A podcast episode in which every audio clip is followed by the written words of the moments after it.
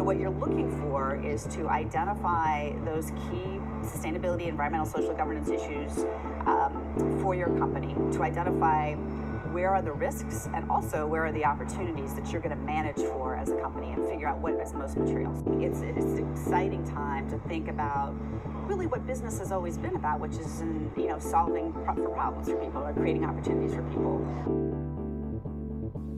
Denne episoden av Bærekraftseventyr Sveinung, den er enkelt og greit inspirert av ei veldig spennende uke vi hadde sammen i forrige uke, når vi til og med fikk lov til å treffe hverandre face to face. Så eksotisk. Det tror jeg er over et halvt år siden sist, Lars Jakob. Jeg syns du tar deg veldig veldig godt ut. Tusen takk.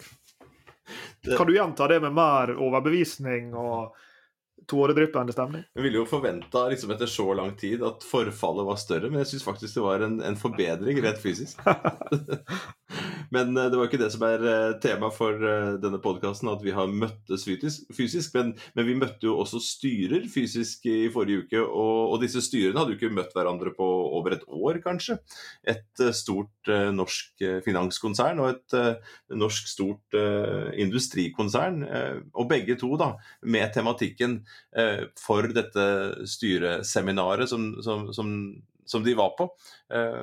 Tilfeldig, altså de, de, var ikke sammen, bare for å ha sagt det. altså Hvert sitt, eh, sitt styreseminar var da bærekraft, innovasjon, hvor går veien videre, hva har skjedd si, siden sist? Hvilke type trender er det som rører seg, hvordan er det de skal ta Eh, bærekraft inn i strategien? Hvordan skal det påvirke de selskapene de eier per i dag? Hvordan skal det eh, påvirke eventuelle oppkjøp, fusjoner? Hvordan skal det påvirke samarbeid mellom selskaper de eier i, i konsernene sine osv. Så, videre. så Så ja, det her var veldig veldig spennende. Både fysiske møte og tematikken, og at det sitter der beslutningstagerne i store norske virksomheter klør seg i huet og, og, og, og, spør seg selv, og så spør også oss, da. Eh, hva bør vi gjøre fremover? Hvorfor? Eh, hvordan? Og hvilke effekter kan vi forvente oss av det? Og dette ga oss jo impulsen vi trengte for å lage en episode vi, vi er planlagt å lage lenge. fordi at uh, vi har jo vært opptatt av styrets rolle i bærekraftsarbeidet til uh, virksomheter, enten det er store eller små virksomheter, enten det er offentlige eller private. Uh, så har jo vi lenge argumentert for at styret bør, bør ta en ja, både tydeligere rolle, men også ta, ta, nær sagt, ta mer plass. Eh, og, det er jo med en viss eh, empirisk dekning. Her er jo forskning som, som viser viktigheten av uh, styret sin involvering i å både sette agendaen og, og sette energi bak og, og, og, muskler bak bærekraftsarbeidet til virksomheten. Den forankringa på, på, toppen. I tillegg så skjer det jo Sveinung, en rekke utviklingstrekk i, i disse tider, og vi skal komme inn på på, på, flere av de i løpet av samtalen. og Her er det jo nok å peke på eh, Eh, slike ting som at NUES, NUS, Norsk utvalg for eierstyring og selskapsledelse, kommer med nye eh, retningslinjer hvor bærekraft er, i ferd med å tas inn mye tydeligere. G7-landene har begynt å peke i denne retninga, og da er vi på, på nasjonalt nivå. Så her er jo en her, er jo et sånn både taktskifte og, og, og en, liksom, en trøkk i denne involveringa av, av styra i bærekraftsarbeidet. Eh, og, og, vi har jo sagt mange ganger, jeg tror til og med vi har sagt i en tidligere episode, at, at noe av det jeg og du har vært heldige med å få være med på eh, de siste 15-16 åra, er jo ferden til bærekraftsfeltet, om du vil, eller til bærekraftsutfordringer oppover i etasjene i i virksomheten. Fra en mørk kjeller hvor det satt en eller annen og jobba med det her for, for, for, 15 år siden, til at det i dag er et naturlig tema på direktørenes kontor og på, på styrets kontor. Og det er nettopp da styrets rolle i dette arbeidet som er tema for denne episoden. Det er jo interessant på, på, flere måter. Du nevnte disse internasjonale trekkene. Jeg tenkte på, på, EUs taksonomi her, som vi har hatt en episode tidligere med, med, med Tina Saltvedt fra, fra, fra, hennes perspektiv og vårt perspektiv. Eh, men rett før oss, den, eh, på det ene styreseminaret vi, vi, deltok på, så var det jo en særdeles dyktig advokat som så det fra et sånt juridisk perspektiv. Hva vil nye, disse nye reglene fra EU eh, bety? For dette finanskonsernet framover? Hva bør de vektlegge, hva bør de ikke vektlegge? Ehm, hvordan, hvordan, vil dette her påvirke deres ansvar som styre? Eh, altså, og, og, og, hvordan bør det påvirke strategien til selskapet? Og I det øyeblikket vi sier Jacob, at vi går fra kjelleren, og i kjelleren så satt jo viktige medarbeidere. Fordi at Man kan jo kanskje overvurdere satt jeg og tenkte på her, overvurdere styrets rolle. Alt må på en måte komme fra toppen av. Hvis det kommer fra toppen av, så, så er det ekte og bra. Men vi vet jo meget vel at uh, veldig veldig mange medarbeidere uh, i organisasjonen At det strømmer jo opp innovasjoner, strømmer jo opp uh, bærekraftstiltak også nedenifra. Men vi vet jo da, når dette her kommer på styrespor, når det kommer inn i strategiene, når de sitter og diskuterer hvilke KPI-er eller hvilke mål som skal gjelde, hvilke insentiver ledere i virksomheten skal skal ha for å nå eh, de bærekraftsmålene de, de, de, setter seg. Når dette her blir et spørsmål om hvilke selskaper skal vi eie, og hvilke selskaper skal vi selge, og hva skal vi gjøre med de selskapene vi eier.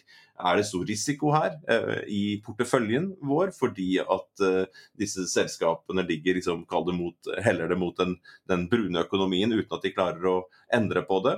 Eh, ligger et stort nok eh, potensial på oppsiden her med ny teknologi, eh, med, med, nye forretningsmodeller som kan kapitalisere på, på bærekraft? Her er jo noe i i disse utviklingstrekkene nå hvor um, en ser at det sakte, men sikkert kommer styremedlemmer inn i styrene til uh, både store og små virksomheter for å håndtere bærekraftsutfordringene. Og jeg, og jeg har lyst til å jeg har lyst til å starte med en liten høytlesning her, Sveinung, fra NUES, Norsk utvalg for eierstyring og selskapsledelse, sitt, sitt, forslag for den reviderte beskrivelsen av styret sin rolle i i, i, eh, unnskyld, i selskapsledelse.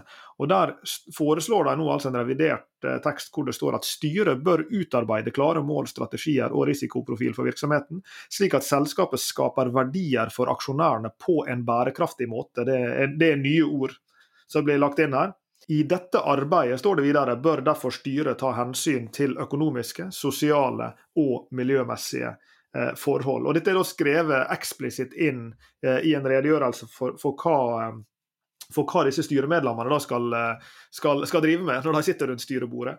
Og, og Både jeg og du sitter jo i, i styret og har sittet i styret til, til, både store og små eh, virksomheter. Jeg sitter nå i, i, i styret til Vinmonopolet f.eks., og, og, og det er ikke noen hemmelighet at en del av av grunnen til at jeg kom inn i, i den rolla, dreide seg om nettopp denne, det, det doble blikket med ett bedriftsøkonomisk øye og ett uh, bærekraftsøye. Og, og, statlige virksomheter har jo kommet et, et godt stykke på vei i å, i å løfte fram disse bærekraftskompetanse som viktig inn i styrene. Men her er jo vært en diskusjon rundt hvorvidt det er nok av denne kompetansen i norske styrer. Vi har to studenter, jeg og du, eller stu, uh, executive-studenter. Uh, Henriette Sæter Tveit og Jan Georg Lehmann, som uh, jobber henholdsvis i Trygg og, og Knowit, to selskap her i Bergen. Eh, og, begge disse to eh, er opptatt av, eh, av styrets rolle i bærekraft og skriver nå en eksekutiv oppgave, masteroppgave om det her. Og, De hadde nylig en kronikk som interesserte lyttere kan google seg fram til i E24 som heter 'Endrer verden seg raskere enn i styrerommene'. Og Den tar jo utgangspunkt i den observasjonen som flere surveys og spørreundersøkelser, bl.a. fra de store konsulenthusene, har vist, som nemlig går på at der er liten grad av i alle fall eksplisitt bærekraftskompetanse eh, i styret. Altså vi står da, kan det virke som her, overfor et lite, eh, et lite skifte fremover. Eh, når det begynner å bli skrevet inn i styrets formål og styrets rolle, inn i anbefalingene fra slike aktører som NUES osv., så, videre, så ser det jo ut til at vi kan komme til å få en liten vind nå av folk med denne typen bærekraftskompetanse. Enten det er som, som du var inne på i stad, juristene som jobber med å forstå hvordan EU sin taksonomi vil påvirke virksomhetene osv. Eh, eller det er økonomene som, som oss f.eks., som er opptatt av hvordan forretningsmodellene må,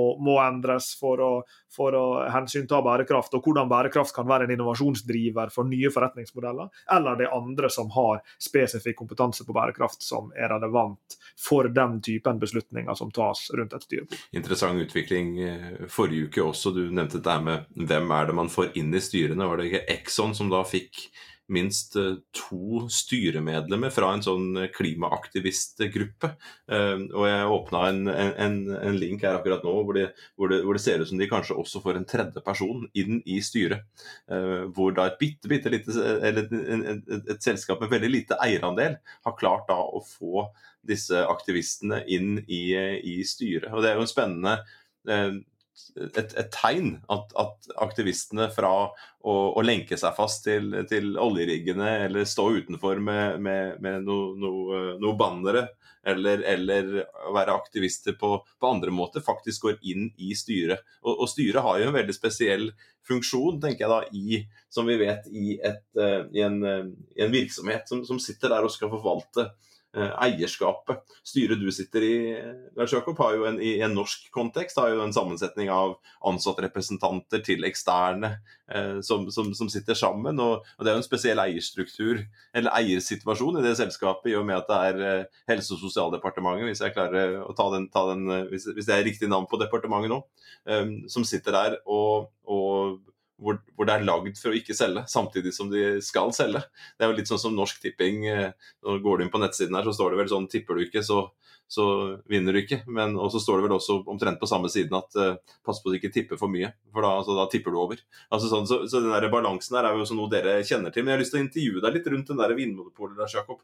Um, fordi at uh, i tillegg til å sitte i styret der, så har vi jo uh, engasjert oss i organisasjonen med, med, medarbeiderne og inn i forretningsmodellene. Og Der er det jo en kjempeflink eh, gruppe eh, bestående av mange personer med ulik type kompetanse inn i verdikjedene, inn i druen, inn i, i måling og veiing av, av, av, av vekt og CO2-utslipp. Eh, men også da mot testing og, og eksperimentering for å se um, og forstå kundene og hvilke valg kundene tar for å, for å, for å redusere fotavtrykket sitt. Da. Så der har jeg lyst til å spørre deg litt sånn, um, Siden du da kjenner organisasjonen både liksom fra styrenivå og ned i, i det operative. Da.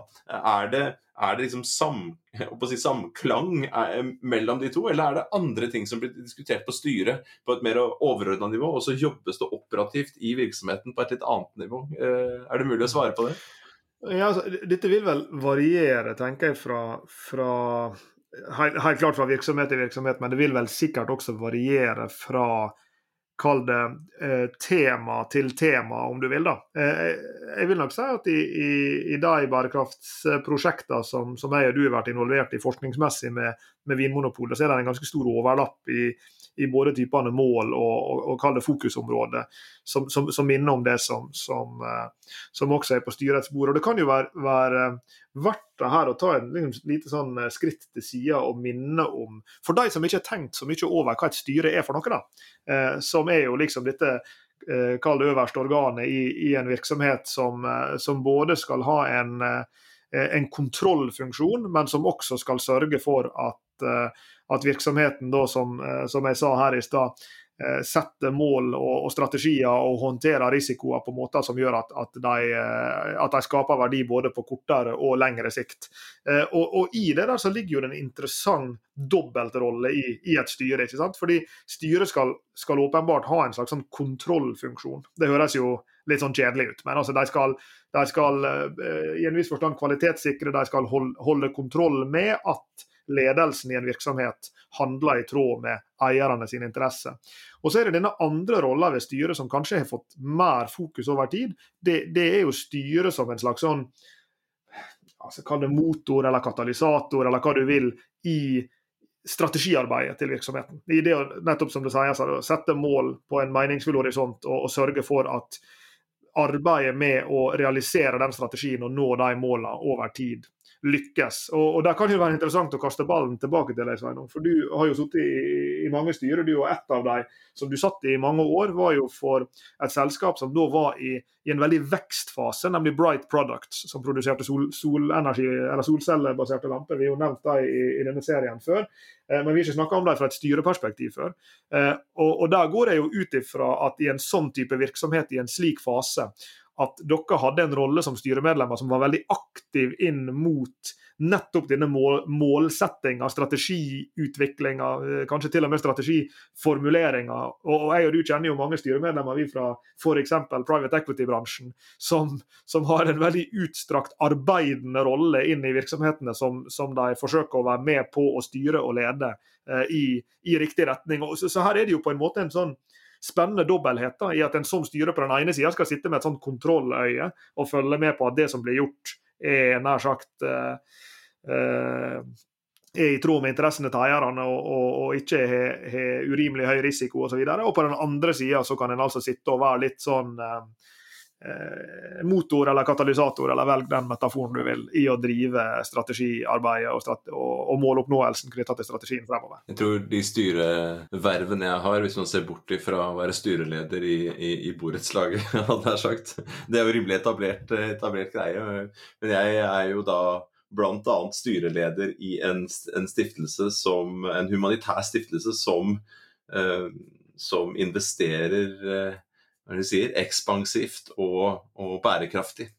Eh, det er liksom litt av, av, verdigrunnlaget som lå der etter denne danske skilæreren på, på, Lillehammer, som satt igjen med en del hus som vi, som vi, som vi solgte. Og så hadde han en idé om å, å, lage en stiftelse som skulle investere. Så vi har investert i mange oppstartsselskaper. Så sånn sett så har jeg vært vært styremedlem da, på vegne av stiftelsen i noen oppstartsselskaper, og, og, satt lenge da i Bright, som du sa. og der gikk vi jo inn veldig veldig tidlig, eh, sammen med dyktige gründere og dyktige folk i, i, i, i bedriften, eh, hvor gründerne hadde eh, relativt stor eh, eierandel, hvor det kom også da mer ja, et, private equity-selskap bl.a. inn på eiersiden.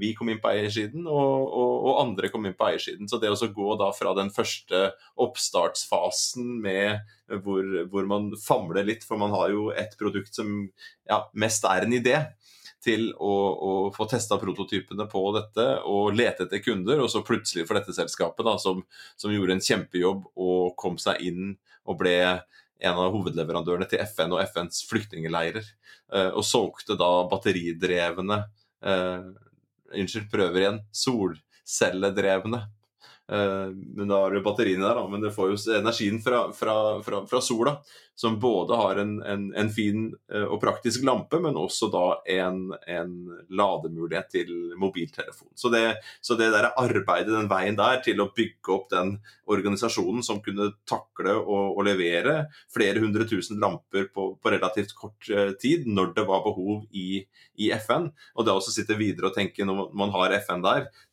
som, som, som, kjøpte store partier med, med, lamper, til å begynne å tenke eh, hvordan skal man da gå videre? Hva slags type forretningsmodeller trengs? Hvilke markeder skal man gå inn i? Hvilke samarbeidspartnere? Produktutvikling osv. Så, videre. så Så ja, dette styret du nevner der, er et veldig sånn operativt uh, styre. Men jeg gir meg ikke helt på Vinmonopolet der. Jeg er litt sånn nysgjerrig på kunne jeg, jeg, kunne reflektert rundt, rundt uh, Bright Products. Uh, det å ha flinke medarbeidere, innovative folk, folk som jobba tett på FN, folk som satt i Afrika, som er et, et, veldig veldig viktig marked, og hvor det kommer opp behovene. Hva er det vi trenger, kontra hva er det vi har i dag, opp til styret, for å da kunne sette disse målene. Og både kontrollere, som du sier, men å sette, sette strategien. Så dette samspillet i en såpass liten organisasjon med enorm omsetning etter hvert, altså det, ble jo, det ble veldig stort veldig, veldig fort. Men, men men eh, ja, så, så, det er jo én type dynamikk. Og jeg sitter jo i andre, andre styrer og andre sammenhenger som har annen type dynamikk. Men jeg tenker på sånn, litt sånn, den, sånn som de var, vi var inne med i forrige uke, da, på finans og de, de som jobber med, med, med dette industrikonsernet.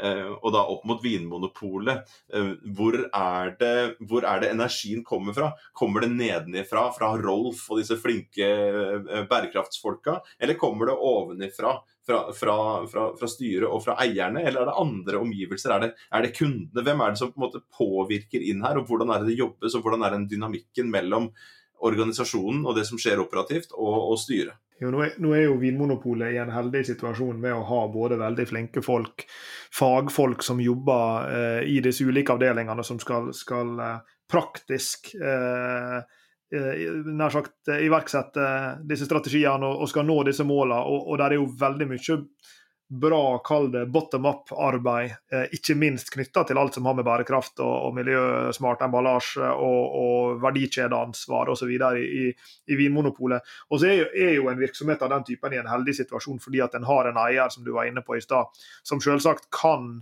velge Ikke bare kan, men, men altså som, som, eh, som, et departement da, setter selvfølgelig noen prioriteringer som, som er helt i tråd med det som som f.eks. vi var inne på her med, i stad med NUES, og hva, hva, bærekraftig verdiskaping er for noe. Jeg er jo veldig nysgjerrig på Jeg og du har jo fått lov til å etter hvert besøke ganske mange styrer, akkurat som vi var inne i, i forrige uke, i to store norske virksomheter i to forskjellige eh, bransjer. Og, og, um, og, og jeg, nær sagt, jeg, jeg håper en gang jeg i framtida å sitte rundt et sånt bord i en, i en, like stor virksomhet, men som da er eid på en annen måte. Fordi det, det er nok interessant når, når disse impulsene da skal komme fra en, fra en, eier. Og det fikk vi jo høre i disse samtalene som vi hadde med disse to, uh, disse to styrene i forrige uke. Når, når eierne sjøl kommer til orde rundt eh, hva slags bærekraftsambisjoner en har, hva slags risikoer en ser knytta til grønn omstilling, hva slags bekymringer en har knytta til å liksom fullt ut omfavne det at jo, vi skal ikke bare la oss påvirke av det grønne skiftet, vi skal være en del av det grønne skiftet, og vi skal kanskje til og med ta lead i vår bransje. Det er klart at det kommer med noen veldig eh, tydelige bekymringer for de som da eh, nær sagt eier disse virksomhetene, og som, som har sine egne eh, penger på spill. og Det er jo derfor så moro disse, disse her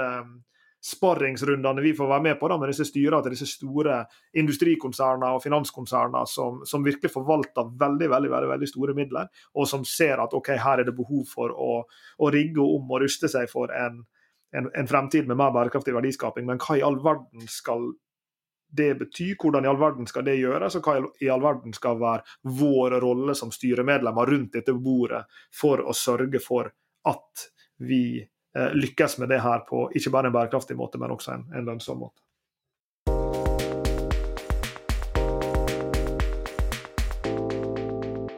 Du dro opp to, to sånne retninger der. Den ene var kontrollsiden, og så var det strategisiden. Eh, jeg tenker litt eh, bakover og ser litt sånn på forskningen her. Det er jo en, en studie av Eccles som, som fikk, eh, fikk, mye oppmerksomhet for noen år siden, hvor, hvor eh, den eh, Twitter-overskriften, den korte, korte, populariserte, er 'bærekraft lønner seg'. Altså sånn, Bærekraftige selskaper har større eh, markedsverdi på, på, børsen, og de har bedre eh, regnskapsverdi. Så, så, begge de to så skilte de seg. Og det de hadde gjort Eh, i den studien, var jo å se på amerikanske selskaper over ca. 20 år. En, rundt omkring 80 selskaper, eh, hvor de så på si, fire-fem eh, bransjer. Så de hadde sånn fem eh, fem og fem og fem og fem selskaper da, på et vis som kunne sammenlignes. Um, og der hadde du, de, de, sier jo ikke eksplisitt hvilke selskaper det er, men i, i, i bransje til bransje til bransje så satt de da uh, ulike selskaper opp mot, hverandre som har like produkter, relativt like strategier um, og, og, og, og, sånne ting. Og så så man da over tid at uh, de selskapene som var mer bærekraftige, Eh, utover 90-tallet, begynnelsen av 2000-tallet og framover, vel, de skilte seg ut. Så, så, så, så markedsverdien var høyere, og, og, regnskapsverdien av disse selskapene var høyere. Eh, og Hvis man da ser på disse kriteriene som lå til grunn for å kalle den ene, den ene gruppen av selskaper sammenlignbare selskaper, kalle den ene mer bærekraftig enn den andre, så var jo en av de tingene som, som, som sto der, det var jo at, at uh, i de mer bærekraftige selskapene så var bærekraft forankret på styrenivå og det var knyttet til insentiver og knyttet til målene til, til selskapet. Uh, og, og, Ser man litt lenger ned på den listen over kriterier, så, så vil man kanskje bli litt sånn skuffet. for det er jo ikke sånne enorme bærekraftstiltak. De, de, de, er eh, med det kall det blotte øyet, så ville man ikke tenkt på det ene selskapet så, som så, så veldig mer, mye mer bærekraftig enn det andre, men det var en, en del eh, sånne typer kriterier. Eh, og Dette er som sagt amerikanske data, men over 20 år, og veldig sånn rigid forskning da, for å kunne sammenligne like eh, selskaper i like type bransjer med lik eksponering på, for, for, risiko og sånne ting på ulike måter. Og så så man her, her var det systematiske forskjeller mellom de to. Og, og, og der kom jo denne styrefunksjonen veldig tydelig fram. Absolutt. Og jeg sitter faktisk med dette, dette paperet foran meg som, uh, som Eccles og kompani uh, publiserte i Management Science i, i, i 2015. Uh, the Impact of Corporate Sustainability. Uh, og, og, Der ser en jo veldig tydelig at denne, det argumenterer veldig godt for det også hvorfor denne formelle styreansvaret uh, er så viktig for å forankre bærekraftsarbeidet. Og, jeg, jeg, mistenker at vi i en norsk kontekst her, da, igjen, og da ikke bare i parallellen til et, et vinmonopol som er eid av et departement, men, men, til og med norske virksomheter mer generelt, at, at, vi kanskje undervurderer i en amerikansk setting, da, hvor Eccles og kompani har studert dette, hvor, hvor uh, lang tid det tok før styret virkelig steppa inn og, og tok, eh, tok, en posisjon på dette, og, og at effekten av, av den både legitimeringa og sånn ordentlige forankringa på toppen. De, bruker en frase her at the, board can act as a hierarch, som en hierark, i å på en måte plassere dette oppå toppen der som et mål som har på en måte legitimitet, troverdighet, og som vil komme til å monne. Og og det er jo treffende at de følger opp i denne studien. De går rett derfra til CEO compensation. Altså hva er effekten av å ha, ha styret med på, på, plass, og så at styret i neste omgang sier Så det er jo neste puslespillbrikken. At styret i neste omgang sier og vi skal avlønne vår CEO og for så vidt andre direktører også på følgende måte knytta til måloppnåelsen som har med bærekraft å gjøre, eller med ESG-faktorer å gjøre. Og det, og det, er jo en styringsmessig implikasjon da, som, som virkelig gjør at liksom, sustainability sticks i en, i en viss uh, forstand. Og jeg tenker litt grann på jeg, jeg, satt i, i dette regjeringsnedsatte utvalget, etikkinformasjonsutvalget som utformer denne lov om, om åpenhet i leverandørkjede, som, som, nå skal stemmes over ja, jaggu om to dager, i, i snakkende stund. Jeg eh, tror jeg det skal opp foran Stortinget. Og, og denne, denne, loven eh, den var jo bl.a. Eh, altså inspirert, eller hva en skal si, eh, av Modern Slavery Act i, i UK.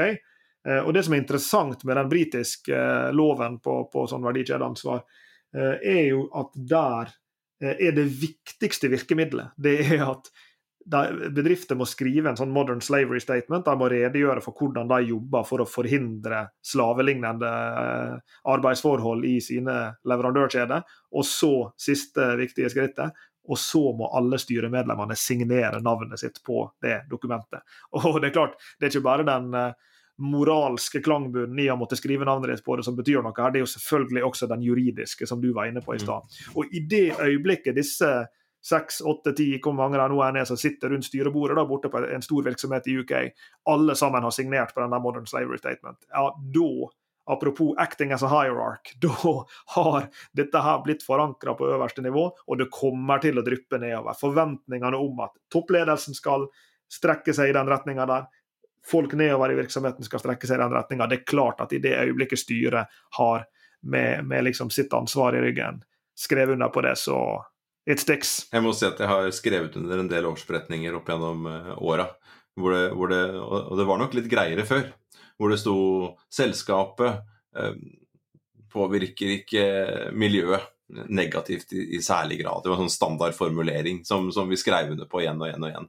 Til nå, da, hvor man må begynne å skrive under på disse tingene. Når man har et uh, kontrollansvar uh, og man har et strategiansvar uh, for, for, selskapet. Når flere og flere ting blir knyttet til styrets rolle her, og bærekraft ikke bare blir ja, noe som, noe som, det snakkes om i festtalene, men hvor det, hvor det ligger reelle forventninger, reelle eh, krav, eh, og ikke minst reelle lønnsomhetskrav. Da. Og det er jo ikke alltid sånn at, eh, og det har vi snakket om flere ganger i denne podkastserien, det er jo ikke alltid sånn at det å investere i bærekraft nødvendigvis lønner seg.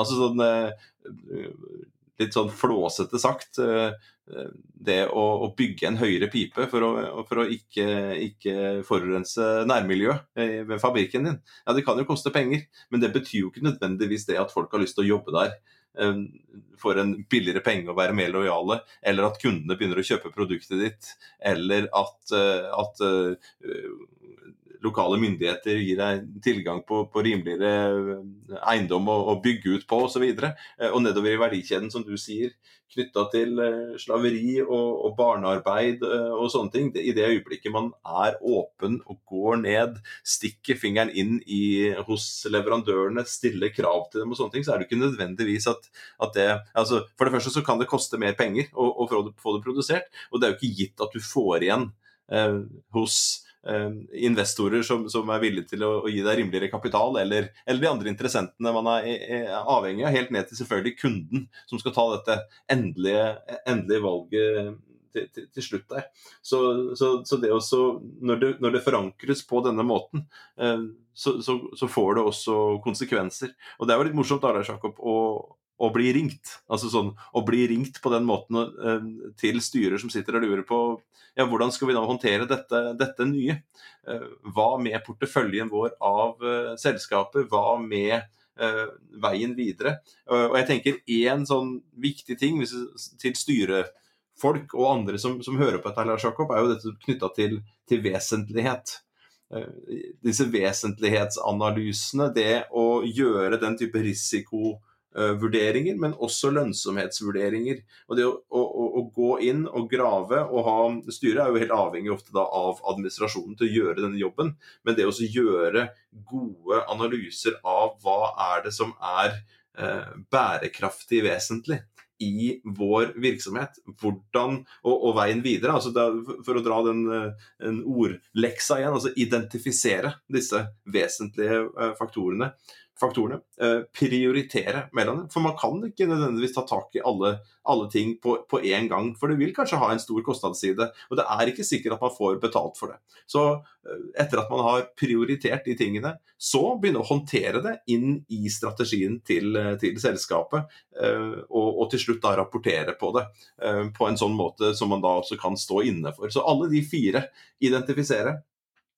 prioritere, håndtere og til slutt eh, rapportere på dette her, tenker jeg er viktige sånne stikkord for styrer eh, i dette arbeidet. Og Det er litt interessant samtale som går om dagen knytta til styret sin rolle i For vi har jo vært inne på disse to hoved, hovedrollene her med kontrollen på den ene sida og strategien på den andre. Men, men dette med, med styremedlemmer som, som, i en viss forstand er som står i en relasjon til det, det, samfunnet som er rundt dette selskapet skal, skal uh, operere innenfor, hvor de ikke nødvendigvis representerer alle de gruppene i det samfunnet, men at de kan både være lydhøre for å forstå og, og også altså, hvordan, skal jeg, hvordan, skal jeg, si det her, drive et, et, et styrearbeid som er bevisst på verden rundt. Da. Jeg hørte en fantastisk spennende podkastepisode i går med ei dame som heter Dambisa Moyo. Hun er fra Zambia opprinnelig, men har dratt til, til, USA og gjort en, en enorm uh, reise oppover i etasjene som gjør at hun bl.a. i dag sitter på, i styret til både Chevron, til Condé Nast, som eier veldig mye medievirksomhet i USA, og 3M. Så hun sitter i noen veldig veldig store styrer i, i USA, eh, og kommer jo da fra en veldig veldig annen bakgrunn. og Hun, hun snakker mye om i denne episoden eh, roller til eh, nye typer styremedlemmer. Og, og altså, misforstå meg rett, Dette er jo en person med en MBA fra Harvard. og altså Hun har jo en veldig det, konvensjonell type fa fagbakgrunn, men hun har selvfølgelig en, en annen type eh, rik hva, hva, skal jeg si, mangfoldighet i bakgrunnen sin, som gjør at hun som hun artikulerte også godt i denne episoden, som gjør at hun kanskje ser andre problemstillinger, forstår andre grupper sin interesse osv. Og, og som kanskje også gjør henne særlig attraktiv som styremedlem i selskap av, av dette kaliberet. Eh, her. Og, og, hun snakker jo da mye om det her med, med ESG, altså Environmental Social Governance-problemstillinger. Eh, rundt styrets bord, og hvordan de i så stor grad også relaterer seg til spørsmål som mangfold, diversitet, ulikhet av ulik art, enten vi snakker om uh, økonomisk ulikhet eller kjønnsulikhet eller andre typer uh, ulikhet, og, og, og, nær sagt ikke, ikke, minst bedriftene sin ekspansjon inn i andre regioner av verden, hvor det både er geopolitiske utfordringer, hvor det er kulturelle forskjeller osv., og, og, og hvor viktig det var for disse temaene her, også på styrets bord. Og, for meg, når jeg hørte på, så tenkte jeg på hvor som du, som du sa i stad, det var på en måte enklere før. og ah, denne utvidelsen av kampsonen også på styrerommet, som gjør at kanskje disse styrene vil komme til fremover nå i, i Chevronene der ute og, og i 3M-ene der ute, men, men også i, i, mindre virksomheter, SMB-er her i Norge, at en trenger flere typer kompetanse, flere typer personligheter, om du vil. Eh, I, i vid forstand tror du vi er på vei mot en, eh, et, et mer mangfoldig styrerom i, i, den videste mulige forstand, er vel, eh, er vel, det jeg spør deg om. Ja, jeg tror det. Og, og, for et år siden, eller var det kanskje to, så gjorde jo Storebrand her i Norge en, en undersøkelse um, som viste at det var uh, for lite uh, bærekraftskompetanse uh, i styrene. Og, og, det var enklere før. Altså sånn, det, man, man krevde mindre kunnskap om dette da, tidligere. Og det var mindre reguleringer rundt det, mindre forventninger rundt det. Men når dette her eh, kommer opp som du sier da, som, som et krav der, eh, og når man skal ha denne eh, type kompetanse, så vil det også kreve mer eh, mangfold av eh, erfaring og, og, og, utdanning og, bakgrunn i disse styrene. Eh, samtidig så tenker jeg også at det er jo et stort potensial for eksisterende styremedlemmer å få mer kompetanse om dette her. Altså det, det, og det ser vi også i det øyeblikket vi blir ringt da, for, for, å, for å, å, bli sparra med og, og, og, gi råd til disse selskapene. Så, så, er de jo nysgjerrige, og de viser jo da at de ønsker å øke kompetansen sin om, om dette her for å kunne øh, operasjonalisere det i, i, i, i styrearbeidet sitt. Så, så, så ja, jeg tror vi vil se mer mangfold. Samtidig så tror jeg, og opplever vi jo at eh, styrer eh, og, og, også folk fra f.eks. private equity, altså de som investerer i selskapet mer enn små eierandeler, men som går inn med større eierandeler i selskaper og ønsker å påvirke strategien. Og de går jo typisk inn i, i styret som styreledere i disse selskapene og, og, og, og gjør også grep i, i ledelsen og den, den, den top down-delen av, av selskapet. Der er det stor etterspørsel etter den type kunnskap.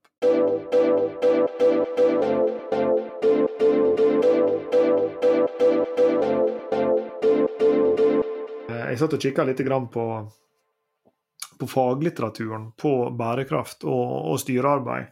Uh, og, og, det er jo gjort etter hvert en del uh, på det her. Vi nevnte Eccles-studien i stad.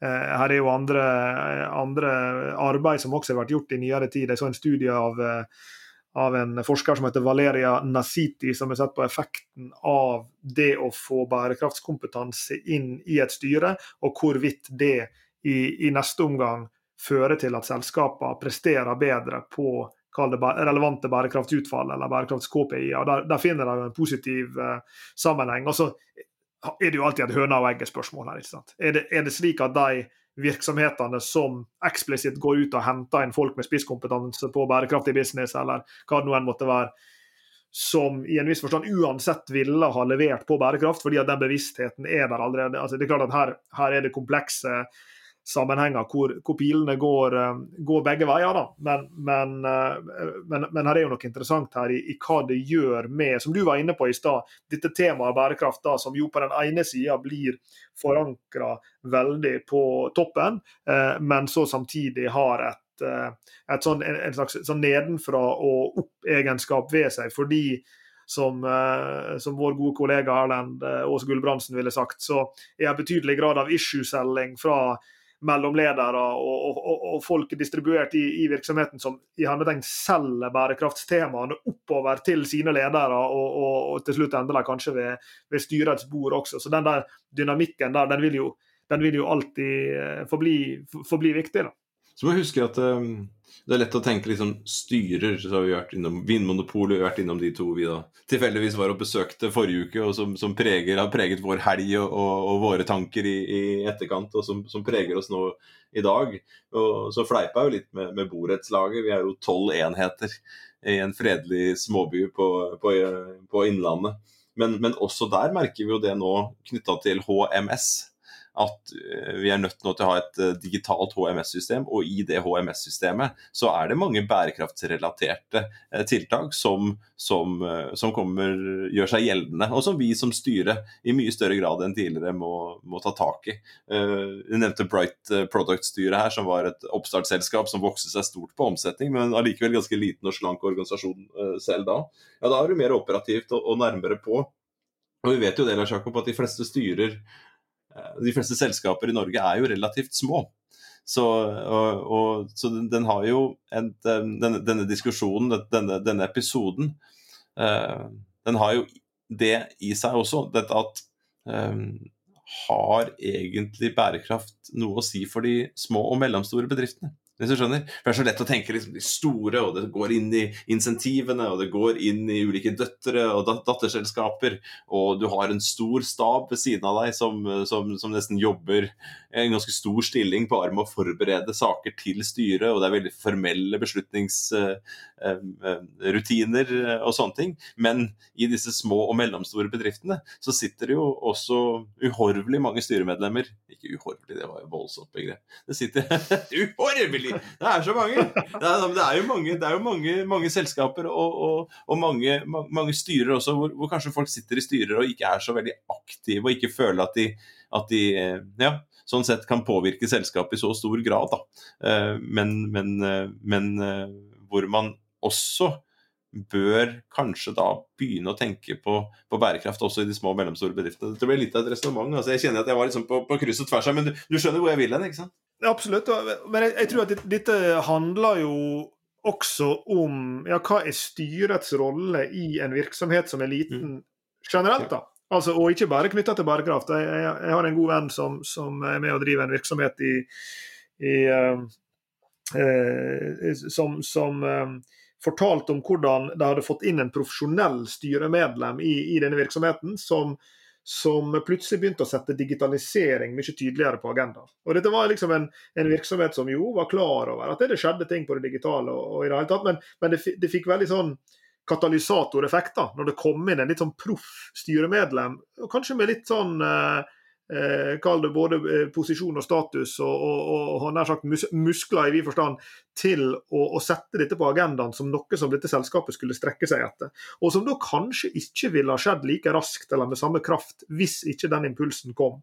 Så, så jeg tror på generelt grunnlag så, så rykker det alltid litt til i meg når når dette SMB-kortet blir mm. trukket. Og, og misforstå meg rett, fordi jeg syns det er veldig viktig. og Vi har jo tidligere laga en episode om SMB-er uh, etter vi fikk et spørsmål, eller flere spørsmål fra lyttere om det.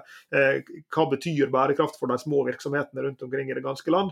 Og, så tror jeg at det er på en måte litt farlig å, å, å, putte seg sjøl i, i, den boksen da, og si at jo, men vi er bare en liten virksomhet. fordi vi ser mange eksempel på, enten det har med bærekraft å gjøre, eller digitalisering eller helt andre ting, at jo, der er små virksomheter der ute som klarer å si ja, hva er det egentlig dette her betyr for vår virksomhet, og hvordan kan vi sette fart på å levere på, eh, på, på, disse tingene her. Så jeg, så jeg, eh, jeg er litt sånn bullish på, på SMB-ene sine, sine vegne her, altså. Jeg skal i styremøte i dag. Jeg har eh, styremøte i Tyrili Klatresystemer AS. Og, og, det er jo denne eh, virksomheten, en eh, kall det sosial her på, på Lillehammer. Startet med i, i Tyrili, Tyrilistiftelsen ja, på, på 90-tallet med å ha et klatresenter i Oslo, men produserte jo også klatrevegger hvor elever, da, eller nå pasienter i rehabilitering, bygde vegger eh, og satte opp rundt i det ganske land. Så mm, bl.a. Bergenshallen er jo lagd av, av Tyrili klatresystemer. I dag så er dette her en eh, aktør på, på Lillehammer som, eh, som, tilbyr klatretjenester i et jeg vil si lekkert klatresenter lokalt, hvor det tilbys tjenester helt fra, fra barn opp til, opp til dyktige, dyktige lokale klubbmedlemmer, og også til NTG lokalt her, som har en egen klatrelinje hvor, hvor pasientene på Tyrili også er med som, som trener rundt det. Og Der er det et lite styre da, knytta til det også, i et, et ASI som er eid av stiftelsen, men hvor det er representanter fra eh, eksternt og, og internt i, i, virksomheten. Og så skal vi da eh, igjen da, sitte og diskutere. Altså sånn uh, Hva er dette selskapet? Hvordan går det i dette selskapet? Hvilke mål bør det ha? Klarer det å, å ivareta pasientene underveis her? Ja, altså Det er en veldig sånn bærekraftsdimensjon i det. Altså Det er pasienter i rehabilitering, behandling, som da også blir klatreinstruktører. Så Samtidig som det er et kommersielt drevet senter som selger Eh, klatretjenester til et eh, bredt spekter av, av, av kunder. Så, så, her skal det balanseres. da. Dette her, eh, det, det kommersielle kundeopplevelsen opp imot behandlingsdelen. Og Der har vi styret et, et, et, ansvar for å, for, for, å, for å, være med. Og Så skal det også legges strategi framover. Og I, en, i, en, i en, dette selskapet her da, så er det jo et, et spørsmål hele tiden på på inntekter utenifra. Altså hva slags type inntekter, og hvordan det kan generere mer aktivitet, mer av de tingene man, man ønsker å gjøre. Så bare Et lite eksempel, altså apropos styrets rolle, bærekraft, små, små virksomheter, offentlig eide Absolutt. virksomheter. Det, det, det, er folk som sitter og hører på, som, som sitter i frivillige virksomheter. altså typer eh, eh, idrettslag og så lignende. Og lignende har jo også styrer. Jeg er medlem i tennisklubben jeg her på Lillehammer har et fantastisk aktivt styre som, er, som, som, som gjør mye arbeid arbeid, og som, og som, setter, eh, som, som, bruker medlemmene veldig godt. Helt opp til disse store finanskonsernene, hvor ja, EU kommer inn med regelverket. Ja, hvor G7-landene nå blir enige om klima, altså, klimaregnskap og rapportering. Så, så, ja, det er litt annerledes, men, men, samtidig så sitter man da på ulike typer styrer med ulike typer eiere, eh, med muligheten til å, å påvirke eh, strategi og, og hvordan selskapet si, oppfører seg. Og rett etter vi er trykt på stopp for denne samtalen, her, så kommer jeg til å få en telefon fra et styremedlem som jeg sitter i styret sammen med i en liten startup. Eh, som, som eh, er en veldig annerledes styreopplevelse enn å sitte i, i, eh, i styret til en, en, stor profesjonell eh, virksomhet som, eh, som Vinmonopolet. Men noen av rollene er jo like, akkurat i tråd med det som, som, du er inne på her nå. Hva er det som, som, er styret sin funksjon, og hva er det som er styret sin sånn nesten spirit, mm. om du vil. Og, og hun jeg nevnte i stad, Dambisa eh, Moyo, eh, denne, denne zambisk-amerikanske sty, eh, styremedlem og, og, og, mye annet, men, men som sa noe som, som, jeg likte veldig godt i denne podkastepisoden som jeg hørte. For da sa hun at at eh, hun hadde jobba med ESG-integrering rundt styrebordene i, i, mange år. Og, og, Da sa hun at hun hadde lært seg til eh, at i, i styrearbeid knytta til ESG, så betyr nei ikke akkurat nå. Altså, så, eh, og, og, en leder må kanskje ta et, et, nei for et nei. Jeg har lyst til at vi skal gjøre slik. Nei, vi, vi går ikke for det nå. Vi skal gå i en annen retning strategisk, så må en leve med det, og så må en levere på den strategien som er blitt lagt i den perioden som, som kommer nå, hvis ikke du vil ta din, din, hatt og gå. Men for en styremedlem så, så er jo jobben din nettopp å holde den lange horisonten. Du skal være med på å legge en strategi for bærekraftig verdiskaping for dette selskapet på vegne av eierne og aksjonærene i dette selskapet med en lang horisont. Og, og da handler jo veldig mye om å opprettholde den energien, opprettholde den lille sånn eh, pekefingeren inn mellom ribbeina da, og dytte på og dytte på. Og dytte på, og så som hun sa, i alle disse virksomhetene som hun satt i styret for, så hadde det plutselig kommet en tid hvor jo, nå var vi moden for å begynne å snakke om CO2-mål og utslippskutt. Jo, nå hadde vi begynt å bli klar for å snakke om nær sagt eh, gender diversity i, i executive management-gruppa. Nå har vi blitt glad for, nå har vi blitt glad for. Og, og, det er jo noe av det som ligger i styret, som er gøy med styrearbeid. Det er jo at jo da, vi skal håndtere risikoer i dag. Jo da, vi skal kikke på, på kvartalsmessige finansielle rapporter for, for, for her og nå. Men vi skal også hele tida sørge for at vi holder blikket heva akkurat så langt fram. da. At vi planlegger for å ruste dette selskapet for de neste fem åra, de neste ti åra, de neste 50 åra. Og i, i bl.a. i dette industrikonsernet som, som, vi møtte styret til forrige uke, Sveinung, så var jo nettopp den der langsiktige horisonten var så viktig for dem.